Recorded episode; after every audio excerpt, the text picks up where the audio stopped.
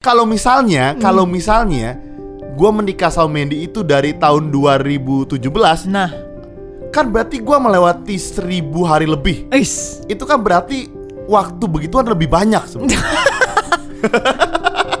Parah, gue kira dia akan dewasa dan bilang Gue akan menjadi lebih dewasa dari sebelumnya Kalian bayangin, gue 500 hari men-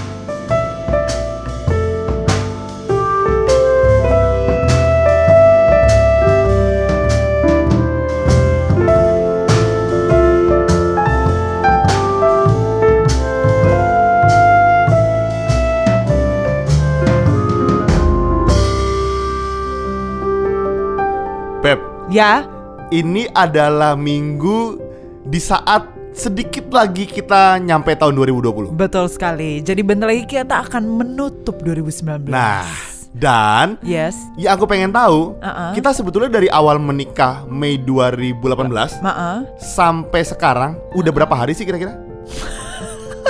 Loh. 365 tambah kira-kira 200 lah Berarti hampir 500. 500 ya Kamu tau gak kenapa aku itu? 585 days with Duh, Budi and Mandy Kamu tau gak kenapa aku mau Kenapa? itu? Karena aku pengen tahu sudah berapa kali kita melewati malam-malam di kamar bersama. Eh, jadi jadi aku mau pasti nggak hitung. nyampe 585 karena kamu banyak gak di rumah. Oh, iya. Karena aku mau hitung berapa kali kita melakukan kenikmatan malam-malam itu, Beb. Oh, Eh, kenikmatan ngobrol, nggak usah sharing. malam loh beb. Makan enak itu juga nikmat. Oh iya iya iya iya. Enggak enggak. Tapi kalau laki-laki ada yang lebih enak dari makan, Beb. Oh, boker. Iya, jawabannya gak gue ekspektasi sebetulnya. lo apa shock gitu. Oke, nah teman-teman, kita hari ini mau ngomongin tentang hal-hal apa yang kita udah lewati 2019. yes, betul sekali. Baik apa yang kita capai, Yes. apa yang kita sesali mungkin, Betul. atau apa yang mungkin kita spend yang guna banget buat kita, Betul. apa yang ngerubah mindset kita di tahun ini. Yes. Gitu. Nah, yang pertama pertanyaannya apa kira-kira beb buat kita berdua? Oke, kamu dulu yang jawab berarti. Oke. Apa yang membedakan tahun 2019 ini Mm-mm. dengan tahun 2018 kemarin? Oke, mungkin ini bisa dijawab dengan apa yang kamu bilang ke aku pada tahun 2018 yang kemudian membuat aku berubah di 2019. Aku lupa. Apa ya? nah, salah satunya kamu bilang ke aku pesan bahwa aku harus bisa belajar mendengarkan. Gila ya, biasa kan Emang- cowok yang nggak denger, Tuh tuh tapi tuh. cewek yang- Memang, memang aku bilang gitu. kamu nggak bilang that specifically kayak kamu harus belajar dengerin tapi yang pasti adalah kamu tuh terkadang ini ya ini Budi ngomong ke Mandy. Kamu tuh terkadang denger tapi denger with the intention of replying bukan denger for the intention of really listening gitu. Jadi kadangkala kita itu mau mendengar tapi merespon. Jadi respon gue tuh terlalu cepat terlalu apa ya terlalu emosional. Jadi akhirnya nggak nyelesain masalah tapi akhirnya malah jadi berantem gitu Gila. itu di 2018 jadi di 2019 gue belajar berubah Aku nggak nyangka aku sedewasa itu sebenarnya. di balik semua shock. kekonyolan kamu gini kamu bisa dalam juga ternyata Beb. iya iya iya. Jadi buat teman-teman yang denger, ini gue juga shock dengernya sebenarnya. nggak masuk transkrip nggak nggak. Oke oke oke. Nah, kalau buat aku, Heeh. tahun ini adalah tahun pertama, bukan tahun pertama sih. Tahun ini adalah tahun di mana aku bikin podcast. Eh, Iyalah iya ya. iyalah Eh, tapi gini ya, tapi gini ya teman-teman ya. Tahun ini benar-benar buat aku ngubah banyak hal sebetulnya ketika Hmm. bikin podcast. Karena kita tuh jadi nggak denger dari perspektif kita aja. Hmm. Kita tuh jadi denger dari banyak perspektif teman-teman kita dalam relationship Betul, sebetulnya. betul. Jadi yang mereka email, DM gitu ya. Kita sih semuanya balas tapi mungkin ada yang belum kita balas beberapa karena belum sempet gitu. Karena banyak kan yang email-email tapi kita balas personally dan hal itu membuat kita jadi ngerasa kita semua tuh punya perspektif yang berbeda, Mm-mm. terutama dalam relationship. betul Dan yang sering banget gue sama ini lakukan adalah ketika di podcast ini kita jadi lebih mengadjust diri kita satu sama lain sebetulnya. Betul. I- itu sih pelajaran yang yang sangat-sangat berharga di 2019 ini, terutama Betul. di making content ya, content Ya. creating gitu. Dan kadang-kadang ketika mendengarkan orang punya masalah itu kita jadi berpikir, ya ampun ternyata nggak cuma kita doang atau ternyata kayak ya ampun ternyata kita itu patut bersyukur ya beb Betul, karena betul. ada banyak orang-orang di luar sana atau banyak pasangan di luar sana yang ternyata mengalami yang mirip dengan kita atau bahkan lebih parah. Iya gitu. iya iya dan dan Ah. mereka tidak bisa lewatin itu. Bener, Mereka belum lah, belum belum, belum, belum, bisa ya. lewatin gitu. Jadi itu membuat kita bersyukur. sih. Betul betul betul. Nah jadi kalau misalnya di 2019 itu hal berbeda dari kita, sekarang adalah kita mau tahu sebenarnya apa sih yang kita sesali juga di 2019? Nah, Gitu. apa nih Beb? Kan tadi gue udah jawab duluan, sekarang kamu dong. Oke. gantian. Seperti yang tadi aku bilang, Ah. karena kita udah menghitung dari pernikahan kita sampai ke sini 500 lebih hari, Heeh. hal yang terbesar aku menyesal adalah menikah sama kamu sebetulnya.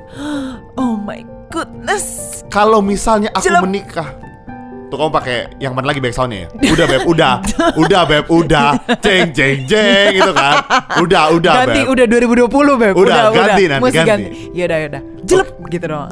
oh. Yang Lebih kita sesali minimalis, adalah minimalis. Jelek gitu Jadi gini Yang sebenarnya kita sesali itu adalah Kamu, Eh, gue, yang gue. kamu. Yang aku sesali adalah Menikah sama Mandy Ya udah, Kalau aku juga deh. Hmm. Kalau misalnya Kalau misalnya Gue menikah sama Mandy itu dari tahun 2017 Nah, Kan berarti gue melewati seribu hari lebih is. itu kan berarti waktu begituan lebih banyak sebenarnya. Parah, gue kira dia akan dewasa dan bilang Gue akan menjadi lebih dewasa dari sebelumnya Kalian bayangin gue 500 hari menikah jadi kayak gini Apalagi kalau 1000 gitu Kirain kan mau ngomong kayak Gak, gitu gak, gak. Ternyata emang boys will be boys Nggak, aku aku nggak dewasa itu kok beb. Itu dewasa muncul kebetulan aja kadang-kadang. Oh gitu ya Jadi dari 500 hari ya palingan 5 gitu Iya ya ya. Dan kebetulan yang satu kena ke Mandy, yang lain sih enggak. enggak enggak. Tapi yang yang sebenarnya gue sesali adalah handphone gue itu persis minggu lalu hilang. Oh my goodness. Jadi jadi itu handphone hilangnya sesuatu yang tidak perlu hilang. Nggak perlu, betul. Jadi gue naik grab bike Kemudian kan gue lagi ngelatih orkes gitu ya Lagi mau latihan orkes. Terus waktu gue naik Pas gue nyampe Turun dari itu motor Handphonenya gue taruh di jok motor Helm gue kasih. Terus tuh handphone gue tinggal di jok motor. Terus gue masuk.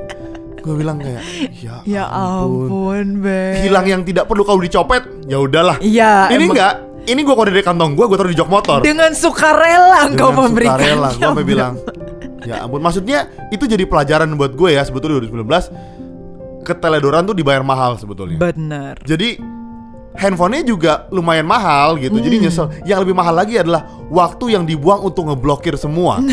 Iya dong. Iya dan mengembalikan semua. Mengembalikan semua dan lu mesti ganti password lagi mesti blok handphone. Itu benar-benar buang waktu banget sebetulnya. Dan I see. dan gue menyadari oke keteledoran tuh harganya mahal banget dan Hmm. akhirnya gue langsung eh, dapet tas selempang apa sling bag gitu Iya. yang akan gue pakai ke mana-mana nggak akan gue lepasin lagi nggak akan gue sok-sok pakai handphone di kantong dompet di kantong belakang nggak usah pakai tas saja udah gue nggak akan mau mengulangi itu lagi karena huh, Iya iya iya. Beb, bener-bener. Aku emosional, Harga- Oh iya. Soalnya kita nih ya ceritanya guys. Kita itu baru selesai cicilan Semua. Apa furniture Mesin cuci Yang kita beli waktu kita menikah. Sebelum menikah Jadi, gitu. ya, eh, Dan itu udah kelar per Desember. Eh muncul cicilan baru. Iya gue jadi kayak gue pikir wah gue udah baca kan bayar wah lu gas hari ini terus hilang besoknya atau dua hari Ya kemudian lebih besar lagi Besar cicilan lagi ya Ya, ya oke. udah gitu aku sih paling nyesel itu Kalau aku palingannya kalau aku melihat di masa lalu ada beberapa hal yang aku menyesal adalah banyak wasting time sih. Jadi aku merasa di tahun-tahun ini tuh aku apa ya kadang-kadang suka nggak bisa mengendalikan diri gitu. Contoh, contoh, misalnya gue terlalu banyak nonton misalnya gitu. Jadi karena di tahun ini nih ya, eh, gue baru dapet Netflix subscription gitu ya. Oh, iya, iya. Nah, as you may know, itu banyak sekali godaan di situ. Dan sekali lu nonton satu, kayaknya kurang gitu. Jadi akhirnya keterusan keterusan. Apalagi kalau TV show ya, yang satu episode mungkin cuma 40 menit, 50 menit. Tapi kan nggak mungkin cuma satu episode doang kan. Kadang-kadang uh, endingnya jing jing jing gitu, endingnya gitu kan. Jadi kayak ya keterusan keterusan keterusan. Udah deh. Jadi akhirnya instead of gua melakukan misalnya bikin blog atau nulis atau baca buku yang yang lebih berbobot gitu, tapi akhirnya ya gue nonton terlalu lama. Bukan berarti gue nggak boleh nonton lah ya. Nonton is fine, it's okay sekali-sekali. Tapi kadang-kala karena ada subscription itu yang gratis dan HD gitu ya. Jadi eh agak sulit nih menahannya I see. gitu. Ya, ya, ya, ya, ya. Jadi gue merasa kayak ya meskipun yang ditonton itu bisa menambah pengalaman, bisa menambah kepintaran juga ya tergantung apa yang lu tonton Betul juga betul kan. di Netflix ada yang bikin pintar ada yang nggak bikin pintar. Ada benar, ada yang bikin makin eh, kurang pinter juga gitu Iya, iya, kan. iya, Tapi ya gue merasa kayaknya ada hal-hal yang seharusnya gue nggak lakukan gitu. I see. Benar-benar. Soalnya gue juga ikut-ikutan nonton Netflix sebetulnya. Ka- karena kan gue minta beb aku install kasih passwordnya dong gitu. Tapi tenang guys, Budi itu nontonnya lebih eh, berbobot lagi. Dia nontonnya minimalism, eh, Inside Bill Gates Ush. Brain itu berat. Berat. Gue gue nontonnya ya yang serial-serial cinta-cintaan gitu. Soalnya gue kagak suka nonton begitu. ya kan cewek, beb. Ya ya ya ya benar benar benar benar. Tapi mending lah beb daripada nonton drama Korea itu juga lebih gila lagi katanya. Oh, iya itu gitu itu ya. nyandu kayaknya Oh Beb, gitu ya. orang-orang. Iya bahaya sih bahaya. Nah, terus yang ketiga eh kita sekarang nih rekaman jam berapa sih? Nggak tahu jam berapa sekarang? 10 siang. 10 pagi lah. Kok kenapa kita jam 10 pagi ini face-nya cepet banget, Beb? Kenapa? Nggak tahu, biasa kan kalau malam kita hasratnya besar, ini kan pagi nggak ada apa-apa ya Iya, mungkin karena habis begituan kali ya. Mungkin ya Heeh. Eh, kita kalau ngomong di pilotok, kenapa sih orang bisa tahu kita lagi mau apa lagi habis begituan? Kayaknya tuh nggak penting buat mereka. Oh, nggak perlu. Ya Nggak- nggak perlu kan? Berarti kita tone it down aja. Iya, deh. iya, iya. Iya, Oke. heeh. Jadi Tapi aku suka sih kalau ngomongin begituan Oke, oke, oke next. Nah, pertanyaan selanjutnya, Beb. Apa sih arti 2019 buat relationship kita berdua? Artinya, ada dua hal sebetulnya Oke. Yang pertama, have sex lebih banyak Eh, iya, Iya karena kan dong. kita menikah lebih banyak. Ya, kan Di sini hari ini arti. 365. Iya makanya aku bilang cuma- kan Berarti kita have sex lebih banyak Oke. Lebih Tapi masa- sering. Masa, cuma itu sih, Beb? Enggak, aku jelasin dulu. Stylenya lebih banyak. Oke, oke, oke, oke. Oke, ini Oke. eh, Nah, eh, terus kalian si boleh skip si aja. Mandy jadi awkward-awkward Skip, gitu dia. Skip, skip, skip. Nah, yang kedua yang lebih penting adalah kita mulai lebih banyak ketemu toleransinya. Hmm. Lebih banyak ketemu titik tengah di antara kita Betul, sebetulnya. betul. Jadi udah lebih ngerti lah sekalipun masih banyak berantem ya. Of course. Kita di awal 2019 itu kan 19. banyak berantem sebetulnya. Betul. Yang lagi peak-peaknya. Yes. Nah, even di akhir ini juga ada. Iya, ada berantem juga sebetulnya. Tapi lebih lebih mulai ketemu titik tengahnya lah gitu. hmm. Jadi menurut gue ya memang ketika lu relationship atau lu menikah atau lu pacaran bahkan makin tahun prosesnya tuh kan akan terus berjalan. Betul. Mungkin lu awal-awal berantem ini, nanti tahun depan berantemnya tambah gede. Mungkin next year kita berantemnya yang beda lagi gitu. Betul. Mungkin yang lebih detail lagi berantemnya Heeh. kita kan nggak tahu. Tapi Iya. ya bersyukur lewatin tahun ini yang satu masalah mindset tuh aku lebih berasa ketemu sekarang. Hmm. Lebih bisa tahu oh iya tipenya begini, Budi tipenya begini, lebih bisa ketemu di tengah itu sih paling kalau buat aku ya. Itu emang itu sama sih buat aku. Jadi aku merasa bahwa ketika kita berantem itu selesai di situ gitu loh. Jadi kalau Ya, buat betul, betul, kalian betul. di luar sana kalian berantem selesaikan di situ. Dalam artian nggak berantem terus abis itu kalian diem-dieman terus akhirnya ya udah terus cair lagi gitu kan karena udah kelamaan diem misalnya terus cair lagi. Tapi problemnya nggak selesai gitu. Jadi problemnya nggak ada solusi. Kalian nggak ketemu titik tengahnya dan sebenarnya masing-masing dari kalian itu maunya apa gitu. Meskipun di dalam kita punya pertengkaran juga kadangkala satu pertengkaran untuk hal yang sama itu nggak cukup. Kadangkala kita bertengkar untuk hal yang sama dua kali, tiga kali. Iya, iya, iya, iya. Tapi terus lama-lama gue kayak Oke, mungkin untuk hal ini Budi nggak bisa berubah nih. Dia kayak gini punya standar karena dia punya misalnya background keluarga atau background I don't know eh, masa lalu kayak gitu. Jadi oh ya udah ngertiin aja deh. Kalau gitu lain kali kalau misalnya ada masalah yang sama, berarti gue harus adjust nih. Gue mungkin nggak boleh terlalu frontal. Gue mungkin diemin aja atau kayak ya udahlah gitu. Karena kalau misalnya ya kalian nggak selesai di momen itu, kalian berantem lagi untuk hal yang sama. Padahal sebaiknya ya kalau misalnya pun nanti di masa depan kalian berantem, ya berantem untuk hal yang beda gitu. Jadi kalian punya relationship naik level, naik level dan naik level lagi. Iya, tapi kalau berantem buat hal yang sama ya nggak apa-apa juga. Nggak apa-apa Nanti juga, kan makin bener. ketemu titik temunya sebetulnya. Bener. Jadi pada suatu titik di mana kalian ngeliat suatu pola gitu, gitu kan. luar Jadi dari pattern itu kita melihat suatu kesimpulan. Ya, jadi ya dari kesimpulan itu kalian mulai adjust lah satu sama lain. Beb, kalau ngobrol di pendengar kita bahasa dosennya agak turun, Beb. agak-agak turunin Jangan- ya. jangan terlalu begitu. Gue berasa kayak gue di depan kelas ngajar 40 Jangan, orang gitu. jangan, jangan, Ha-ha. Terus jangan. ada PPT di samping. anyway, tapi ya salah satunya lagi adalah bagaimana kita juga lebih toleransi satu sama lain gitu sih. Jadi misalnya instead of kita saling berantem, terus banyak sekali negur, banyak sekali uh, cincongak untuk hal-hal kecil, terus by the time goes akhirnya ah ya udah deh emang Budi suka semprot-semprot ah ya udah deh emang Budi nggak suka matiin lampu ah ya eh, udahlah eh, eh, eh, udah enggak enak aja. Udah, udah mendingan, Eh, udah mendingan. ya udah mendingan Iya, lah. instead of Eh. lantai satu sama dua semua nyala, ini cuma lantai dua doang Ya, sekarang. kadang-kadang Lumayan gitu. lah. Lumayan kan, Uh-uh. lumayan. Nah, kayak ini contoh terakhir baru-baru ini minggu lalu kita dua minggu lalu kita berantem soal di mobil inget nggak? Yang lagi, mana? lagi ya? ke Kelapa Gading. Aku lupa. Nah, udah mulai lupa dia. Berarti sudah mulai mem- membuat hidup lebih sederhana Oh dan iya lebih dong, simpel. Jadi kita berantem. Biasa tuh ngomongin terus dia bete gitu. Terus gue juga bete di mobil. Terus kita pas ketemu di mobil eh, aku nggak suka nih. Jadi menurut kamu aku nggak usah begini-gini gitu berantem kan? Hmm. Terus udah mau nyampe gereja tempat ibadah kita. Terus kita bilang, "Ya udah, nggak marah lagi ya?" Enggak. Udah, masuk biasa aja terus lupa. Jadi udah lebih let go gitu. Ya. Mungkin buat beberapa orang, maksudnya gini, kalau lu punya masalah, lu mesti ceritain masalahnya. Hmm. Tapi habis itu ya udah admit memang nggak oke, ya udah selesai. Betul. Jadi nggak yang dulu kan kita masih tipe yang baper-baper gitu kan. bener, bener. Lu nggak ngerti gue banget sih gitu. Lu gini gini gini gini Iya, gini. iya, iya, bener. Menurut gue, lu sampaikan, say sorry, that's it. Iya. Selesai. bener, Jadi itu bener. lebih lebih apa ya? Lebih develop lah sekarang mentalnya lebih gitu. sebetulnya. untuk menuju kayak gitu tapi nggak instan loh. Iya, iya, iya. Dulu ya kita sering baper. Jadi Iya. kayak resolusi konfliknya juga lama Betul, dulu. betul, Jadi betul. bisa dua hari, tiga hari ngambek baper. Mungkin karena emotionally unstable juga kali ya dulu ya. Kita. mungkin ya. Oke. Jadi ya sekarang udah lebih mendingan lah. Nah, Beb, yang berikutnya adalah Yes. ini kamu dulu yang jawab mesti. Oh, oh, oh, oke. Spend yang paling produktif 2019. Gila.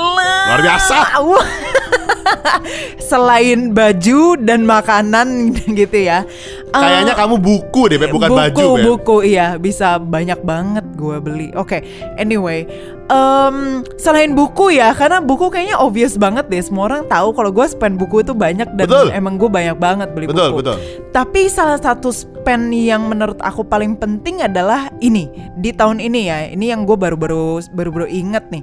Adalah gue mengikuti satu seminar tentang Woman of Faith gitu. Jadi ada satu seminar di eh, di bukan di kampus gue sih, tapi ada suatu organisasi psikolog gitu, psikolog Kristen. Dia bikin suatu seminar tentang bagaimana peran wanita di dalam suatu pernikahan. Nah, itu seminar mengubah gue banget karena selama ada eh, 10 minggu itu 10 minggu kita ketemu dua jam dua jam terus ada grupnya terus kita punya bahan PR di rumah kita renungkan dan itu mengubah perspektif gue banget jadi dari itu berapa ya harganya kayak dua setengah jutaan ya? juta kayaknya nggak nggak terlalu mahal sih maksudnya Mahal, Beb, mahal. Mm, lumayan mahal, Mahal. sih untuk 10 minggu 2 jam lumayan mahal tapi itu berharga banget karena itu mengubah mindset gue bagaimana eh, seorang wanita itu harus bisa eh, lebih apa ya membantu seorang pria di dalam pernikahan gitu. Luar biasa.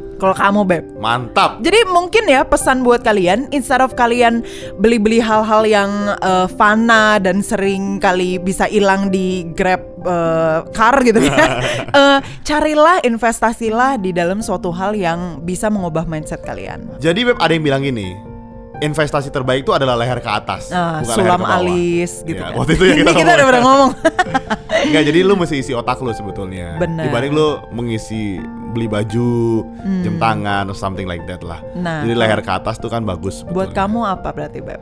aku orangnya jarang spend sih. Eh, Jadi gue orangnya memang agak jarang ya spend gitu-gitu. Maksud Hmm. gue biasa gue kalau punya uang pasti masuk di investment gitu. wes, Paling sombong. iya memang karena menurut gue ya gue nggak perlu gitu. Jarang lah gue beli baju gitu jarang banget. Oke. Nah tapi menurut gue tahun ini adalah tahun pertama di luar uang ya.